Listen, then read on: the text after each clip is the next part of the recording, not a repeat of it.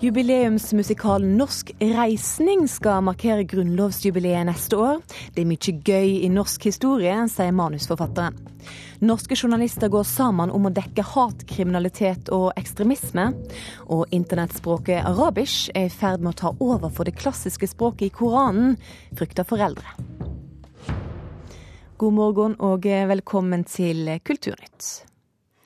Om én time blir altså det offisielle programmet for grunnlovsjubileet 2014 lagt fram.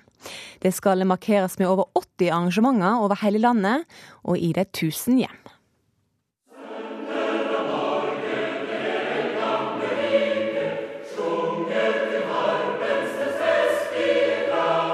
Først og fremst så håper vi jo at eh, folk der de bor i kommuner eh, vil se at det er lokale aktiviteter.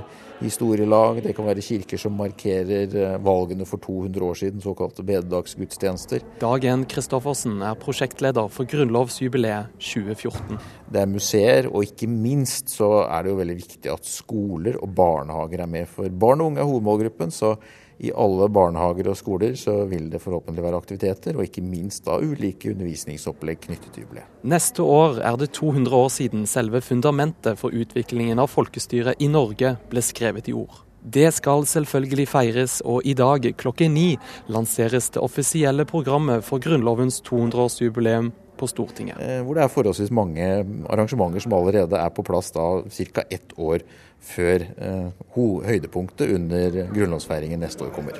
Over 80 ulike arrangementer er planlagt til nå, og omtrent 50 ulike aktører involvert. En av dem Riksteatret. Hei, jeg heter Kjetil Indregard, og jeg sitter for tiden og skriver manus til eh, Norsk reisning. Eh, en musikal som skal settes opp på Riksteatret i 2014 i anledning 200-årsjubileet for Grunnloven. Ja, du hørte riktig. Det er humor, dette her. Det skal være morsomt. Musikalen heter Norsk reisning. Det siste halve året har Kjetil Indregard, som altså er manusforfatter, lest seg opp på norsk historie. Og der finnes det mye gøy. Ja, det syns jeg egentlig. Nå har jeg jo både gravd veldig i de kjente historiene. altså det er klart Vi må innom Ibsen og Bjørnson, vi må innom Roald Amundsen, vi må innom de store, kjente tingene. Samtidig så har jeg på en måte prøvd å leite litt etter eh, altså sånn Lest eh, gamle brev som er skrevet av svenske adelskvinner som var tvunget til å flytte til Kristiania etter at Sverige liksom slo seg sammen med oss, og sendte sjokkerte brev hjem til sine venninner i Stockholm og fortalte om hvor bondske og svinske disse norske menneskene var. Det blir en musikal du skal le av, med humoristiske betraktninger rundt vår egen historie, og sammenligninger som f.eks. Leif Eriksson som reiser til Amerika for veldig lenge siden, til Jan Thomas som reiste for ikke så lenge siden. Men litt på samme måte ut i verden å realisere seg sjæl. Men det er også en annen viktig ting som presenteres i dag. Stortingets gave til eh, korps og kor i Norge, det frivillige sang- og musikkliv. Det skal også være en sang i jubileumsmarsj, og den fremføres da for første gang i Stortingets vandrehall av kor og korps. 17. mai i fjor ble det utlyst en åpen konkurranse i kategorien sang i marsjtakt. Nå er jubileumssangen plukket ut blant 49 innsendte bidrag av en fagjury. En sang som alle landets skolekorps nå har ett år på å øve inn. Har du lært deg sangen sjøl? jeg har faktisk eh, prøvesunget den. Ja. og det er ikke fordi jeg kan eh, på noen måte være sanger, men jeg tror, og det har vært litt av målet med prosjektet, å få fram en, en eh, sang i marsdag som alle kan være med på. Det er ikke mulig å få at du synger en liten smakebit? Det, det kan vi ikke avsløre ennå. Nei, det blir ikke sunget en strofe fra vandrehallen på Stortinget før klokka ni, selv om reporter Eivind Våge prøvde så godt han kunne. Så da får vi bare vente, da. Agnes Moxnes, kulturkommentator her i NRK. Hvordan blir feiringa av grunnlovsjubileet? Altså Hvis denne komiteen, grunnlovs, eh, grunnlov, grunnlovsjubileumskomiteen med stortingspresidenten i spissen får det som det vil, så skal det bli en folkelig Eh, fest, men kanskje først og fremst en engasjert eh, fest. og de legger nok veldig stor vekt på å få unge og, og barn med seg, sånn at de ikke bare forstår hvorfor Grunnloven kom, hva den inneholder, men også gjør dem i stand til å diskutere Grunnloven, så fillene fyker gjerne, og, og bringe den inn i fremtiden. Det er det ambisiøse målet. Eh, de ønsker også, tror jeg, at, at, de unge skal være med på å diskutere det nye grunnlovsforslaget som skal inn i eh, Grunnloven i 2014, som handler om menneskerettigheter. Men eh, stortingsrepresentantene selv har ikke vært særlig flinke til å diskutere disse tingene. sånn at så om det kommer til å spre seg et engasjement, det er ganske spennende rett og slett å se på. Det ligger iallfall noen utfordringer der. Og så hører vi at det er mange arrangement som skal arrangeres over hele landet. Hele 80 stykk. Hvorfor er det så viktig at de spreier jubileet rundt omkring? Det er 80 som presenteres nå, og så kommer det vel enda noen flere, håper de, til, til høsten når det nærmer seg 2014.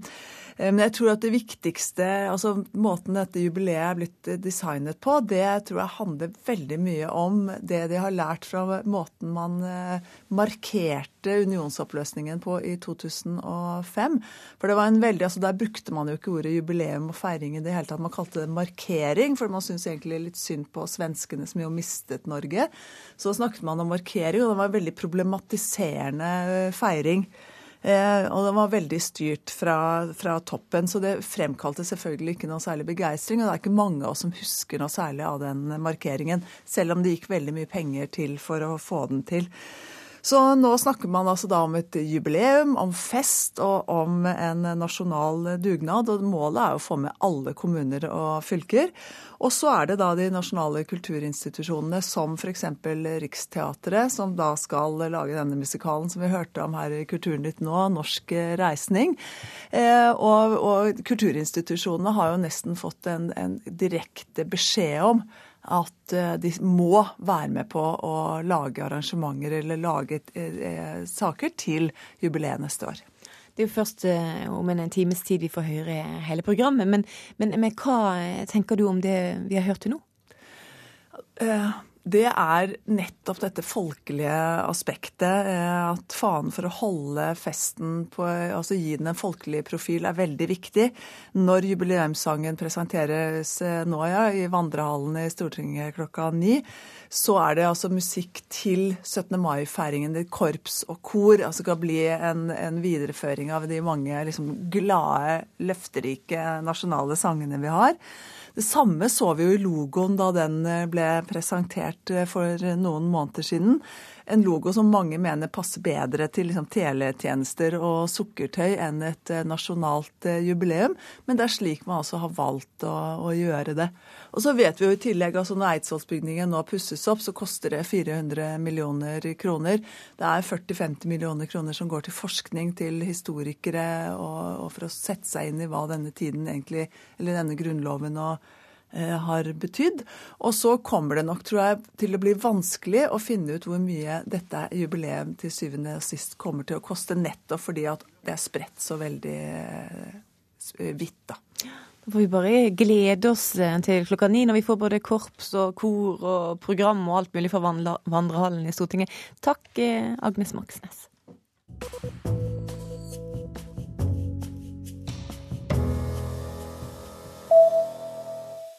Det amerikanske justisdepartementet har overvåka Associated Press sine telefoner. Blant de overvåka var fem journalister og en redaktør som arbeider med en sak om en CSI-aksjon i Jemen i fjor. Overvåkinga foregikk over to måneder og omfatter over 20 telefon- og fakslinjer. Nyhetsbyrået har sendt et åpent brev til USAs justisminister, der de krever at alt materialet blir offentliggjort og deretter ødelagt.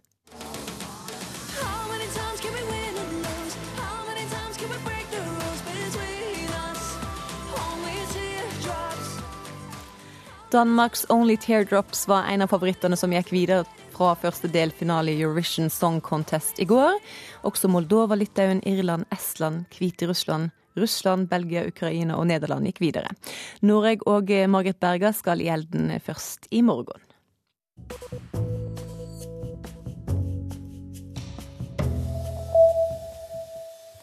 Internettspråket arabisk er i ferd med å ta over for det klassiske språket. Det frykter foreldre, lærere og såkalte språkvoktere. Arabisk består av arabiske ord skrevet med latinske bokstaver, og blir brukt av unge når de SMS-er og skriver på sosiale medier. I Gulflandet så prøver foreldre å lære å stoppe eh, dette internettspråket. Også i Norge ser mange på språket som et problem.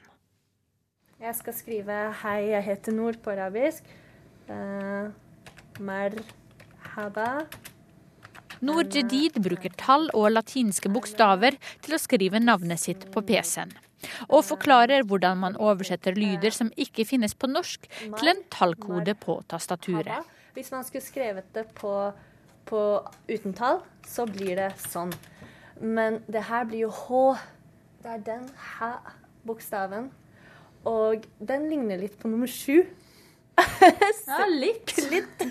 Men det er jo en annen ting um... I nesten hele internetthistorien har ikke arabere hatt tilgang til tastaturer med eget alfabet. Derfor ble det tidlig utviklet et eget språk til bruk på sosiale medier og i telefonmeldinger.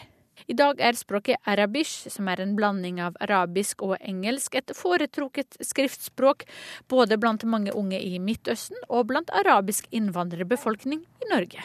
Etter hvert så glemte jeg jo det arabiske språket, for jeg har ikke brukt det i Norge. Eller skriftlig har jeg ikke brukt det i det hele tatt. Og da har arabisk blitt mitt, min måte å skrive arabisk på.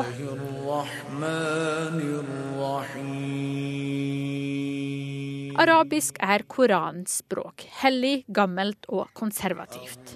I det siste har stadig flere lærere og foreldre i Gulfen tatt til orde for å få stoppet arabisk. Internettspråket som ødelegger Guds eget språk, sier Albrecht Hofheins, førsteamanuensis i arabisk ved Universitetet i Oslo. Skriftspråket er da knyttet, tett knyttet til klassisk arabisk, som er Koranens språk som er altså det språket Gud har valgt å åpenbare Koranen i. Og Det er derfor språkvokterne, som jo finnes i alle land, er spesielt opptatt av å bevare dette klassiske eh, språket, som er Koranens språk. Og de, er, de føler at dette er truet av den nye situasjonen. Det er unge bruker hovedsakelig talemål i skrift, og rett og slett ikke lenger lærer å klare å bruke det klassiske arabisk. Nord er ikke bekymret. Hun mener tvert imot at arabisk er positivt. Det gir unge mennesker som ikke behersker arabiske bokstaver, en måte å kommunisere med hverandre på. Altså, Du kan jo ikke skjerme ungdommer, eller hvem som helst, da, fra den utviklingen som kommer. Det bevarer det arabiske språket. For tenk om du ikke hadde det alternativet med latinske bokstaver og tall, den miksen der. Da må du gå over til bare engelsk. Det engelske språket. Og da mister du mer den arabisken, ikke sant. Det sa Noor Djidic til reporter Sofia Paskiewicz. Du hører på Nyhetsmorgen i NRK P2 Alltid nyheter. Klokka den er blitt 8.17, og dette er hovedsakelig nyhetene akkurat nå. Statsminister Jens Stoltenberg varsler nytt skattekutt for bedriftene. Dyremishandling blir ikke tatt nok på alvor, mener dyrevernere, men det avviser politiet. Og følg med videre i Kulturnytt og høyre at kortfilm om å bli skilt med tvang fra familien sin rørte et ungt publikum i Tromsø. Ungdom lager film med sterke budskap, sier festivalsjef. Norske journalister går sammen om å dekke hatkriminalitet og ekstremisme. Prosjektet Hate Speech International skal prøve å avdekke årsakene til og kreftene bak hatefulle ytringer. Forfatter og journalist Kjetil Stormark, du står bak dette prosjektet sammen med kollega Øyvind Strømmen. Hvorfor trenger pressa et eget fagnettverk for å dekke dette feltet? Fordi deler av eh, dette området blir ikke tilfredsstillende dekket av norske og europeiske medier i dag. Eh, jeg har for min egen del sett etter terrorangrepene 22.07 at det er eh, saker, nyhetselementer, spor i saken som jeg ikke har fått muligheten til å gå videre på. Fordi at ingen av de norske, svenske eller engelske mediene som jeg har hatt dialog med, som har hatt en vilje eller en evne eller en mulighet til å gjøre det. Hvorfor har ikke det? Jeg tror det har noe med ressurssituasjonen å gjøre. Så har det noe med kompetanse å gjøre. Det å på en måte ha tid eh, i hverdagen til å bruke eh,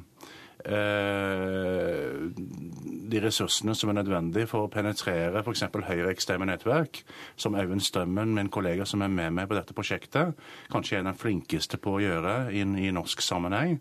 Eh, nå hever vi blikket og, og ser utover eh, Norge og Norden og nedover i Europa. Et Europa som er preget av sosial uro, av finanskrise en setting hvor ekstremisme, politisk aggresjon og vold kan få en sterkere utvikling enn eh, det vi kanskje mange liker og håper og tror. Og vi har allerede sett etter 22.07 to saker eh, i løpet av ganske kort tid, både i Tsjekkia og i Polen, med personer som har forsøkt å kopiere Breiviks eh, bedrifter og gjennomføre terrorangrep i andre land lenger sør. Så dette her er ressurskrevende og tidkrevende arbeid. Hva er det dere håper å finne ut av? Det er litt vanskelig å forskuttere, eh, men vi er jo nysgjerrige på spesielt bakspillere. Personer som ønsker å mobilisere sosial frustrasjon, uro, eh, aggresjon til egen politisk vinning, vinningshensikt. Eh, som forsøker å utnytte de mekanismene som vi ser er i spill i Europa nå. Eh, og, og, det å, å belyse de som er aktive i skyggene, å trekke de fram i lyset, vil være en viktig målsetning for det arbeidet vi skal gjøre. Men Hvordan skal dere klare å trekke dem fram i lyset?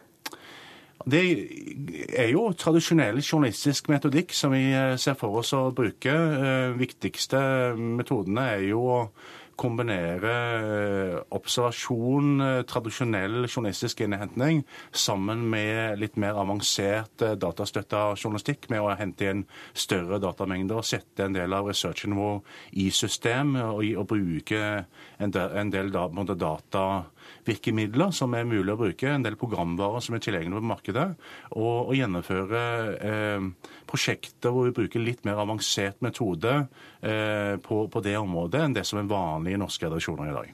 Hva ser dere for dere at prosjektet skal eh, bunne i? Er det avisartikler, er det, er det bok? Hva, hva vi kommer til å lansere en egen nettside hvor en del av dette nyhetsstoffet kommer til å bli eh, lagt ut løpende. Eh, hvor prosjekter kommer til å bli lansert. Men vi ser òg for oss å samarbeide i en del tilfeller med ulike mediebedrifter. I tilfeller hvor vi sjøl ikke sitter med all kompetanse, hvor vi trenger å få supplert kompetanse som, eh, som eh, eventuelt finnes annet sted. Eller prosjektene skulle være litt mer ambisiøse enn, en det vi sjøl har rammer til å kunne gjennomføre. Takk, forfatter og journalist Kjetil Stormark.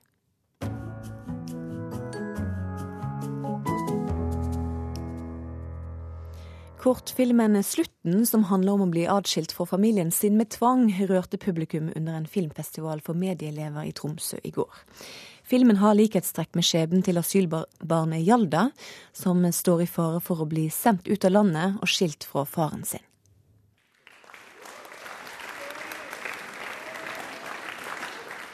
Mye applaus på filmvisning i Tromsø da elever fra videregående skolene Breivika og Breivang presenterte filmene de hadde laga i løpet av året. Noen av filmene tok også opp meget alvorlige tema. Mamma! Jeg vet ikke hva jeg skal gjøre. Skal vi bli? Skal vi rømme? Skal vi kjempe? Jeg vet ingenting lenger. Kortfilmen 'Slutten' handler om ei ung jente som mister mora si, og må derfor ta vare på lillesøstera. Over dem henger det hele tida en fare at de to kan bli atskilt, uten at de vil det sjøl. Filmen er laga av 17 år gamle Nadia Kofod Hakmi, som sjøl opplevde at en nær venn ble atskilt fra familien sin da Nadia var ung. Slutten det er jo da så å si en historie fra ei som jeg kjente. Og hun var jo da tatt av barnevernet. Og så så jo jeg den ene opplevelsen da hun faktisk ble tatt. For hun rømte fra barnevernet, og så ble hun henta på den plassen der jeg var. Og det var jo da veldig det at alle de følelsene av å huske den der, det satt jo ganske så hardt i meg da, så til slutt så måtte jeg bare lage en film av det for å få det ut på en eller annen måte. Er du sikker på at de ikke skal skille oss? Er du sikker på det? De vet at jeg tar vare på deg. Og mamma hun er så stolt av deg. Og du er så tøff, og uansett hva som skjer, så kommer de ikke til å forskylde oss. Likheten til den mye omtalte Hjalde-saken i Tromsø, der elleve år gamle Hjalda risikerer å bli sendt ut av Norge og atskilt fra familien sin, var veldig slående. Festivalsjef for NUF, Marte Aasen, kjente i magen da filmen ble vist. På slutten dukka opp denne teksten og jeg innså at det har faktisk skjedd. Og det har skjedd ganske nært meg. Så det ga meg et reelt spark i magen og innså at det, det her er en viktig film. Det er veldig, en veldig bra film. Nadia skal også delta på ungdomsfestivalen NUF i Tromsø om ca. en måned. Der skal unge filmskapere fra hele verden jobbe sammen om film. Aasen er kjempeglad for at Nadia og de andre ungdommene tør å fortelle sine historier. Det jeg syns gjennomgår alle filmene, er at de har et reelt budskap. Det er vel noe av det som også er så bra med ungdomsfilm. At de alltid har et budskap, og så er det litt varierende hvordan de greier å formidle det budskapet, men det er tydelig hva de vil fortelle oss. Og det kan være ganske sterke historier til tider. Reporter i Tromsø var Rune Eie. Gatsby. He had a grand vision for his life since he was a boy. I'm gonna fix things just the way they were before. Just you and me. No amount of fire could challenge the fairy tale he had stored up in his heart. The Great Gatsby åpner filmfestivalen i Cannes i kveld. Baz Lerman sin fargesprakende filmatisering av boka 'Den store Gatsby' av F. Scott Fitzgerald skal vises for et kresent filmpublikum i den franske byen i kveld.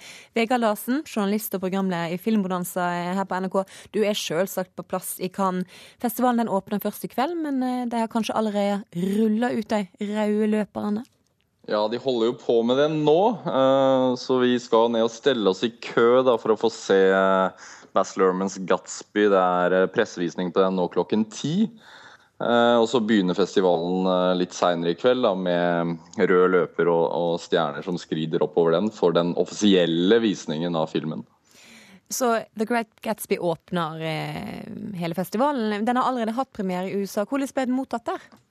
Den har hatt premiere i USA, den har også blitt vist i Storbritannia og fått kritikk der. og Det er jo uvanlig at en åpningsfilm i Cannes allerede har uh, hatt premiere sånn som den har hatt i USA. og Kritikken som har kommet, har ikke vært helt på Lermans side. Den, den, har, den har, fått ganske grell mottagelse. Uh, likevel så har jeg litt forventninger til den. Ja, og Det er jo en film som kler Cannes veldig godt uh, Scott Fitzgeralds uh, fortelling er jo en uh, fortelling om luksus, rikdom klasseskiller En historie som i det hele tatt kler den franske rivieraen. så Sånn sett så, ser jeg fram imot den, men, men det er klart at jeg har ikke så høye forventninger som jeg ville hatt hvis ikke kritikken av den allerede hadde kommet flere steder i verden. Hvilke filmer er det du har størst forventninger til under festivalen? det er masse godt på papiret, i hvert fall.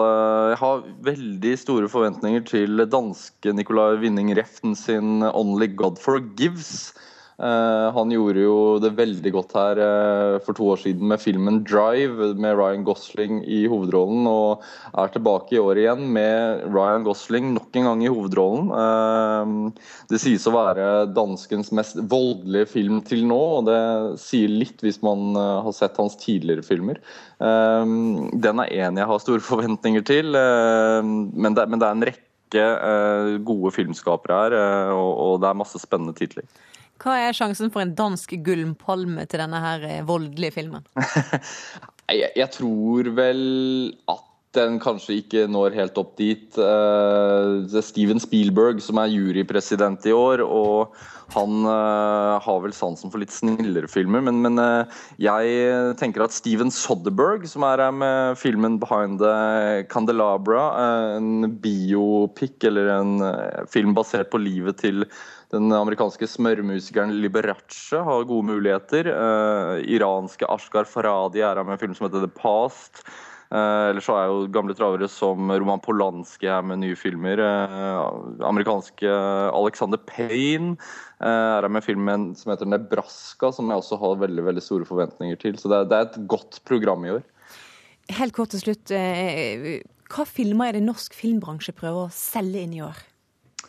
Eh, nei, De skal prøve å selge på markedet. da, Så prøver de å selge filmer som kommer til høsten. Uh, jeg vet jo at Erik Skjoldbjerg og Aksel Hennie er her nede for å promotere 'Pioner'. Uh, ellers så er Tommy Wirkola her for å promotere 'Død snø 2'. Og jeg vet at de skal ha et par fester utover festivalen som antageligvis kommer til å bli lagt merke til. Da får du finne fram popkorn og komme deg inn i den mørke kilosalen, Vegard Larsen. Kulturnytt takker for seg i denne omgang, men vi er tilbake klokka 16.30 i ettermiddag. Ansvarlig for denne sendinga var Gjermund Jappé. Hilde Tosterud styrte teknikken, og jeg heter Sara Victoria Rygg.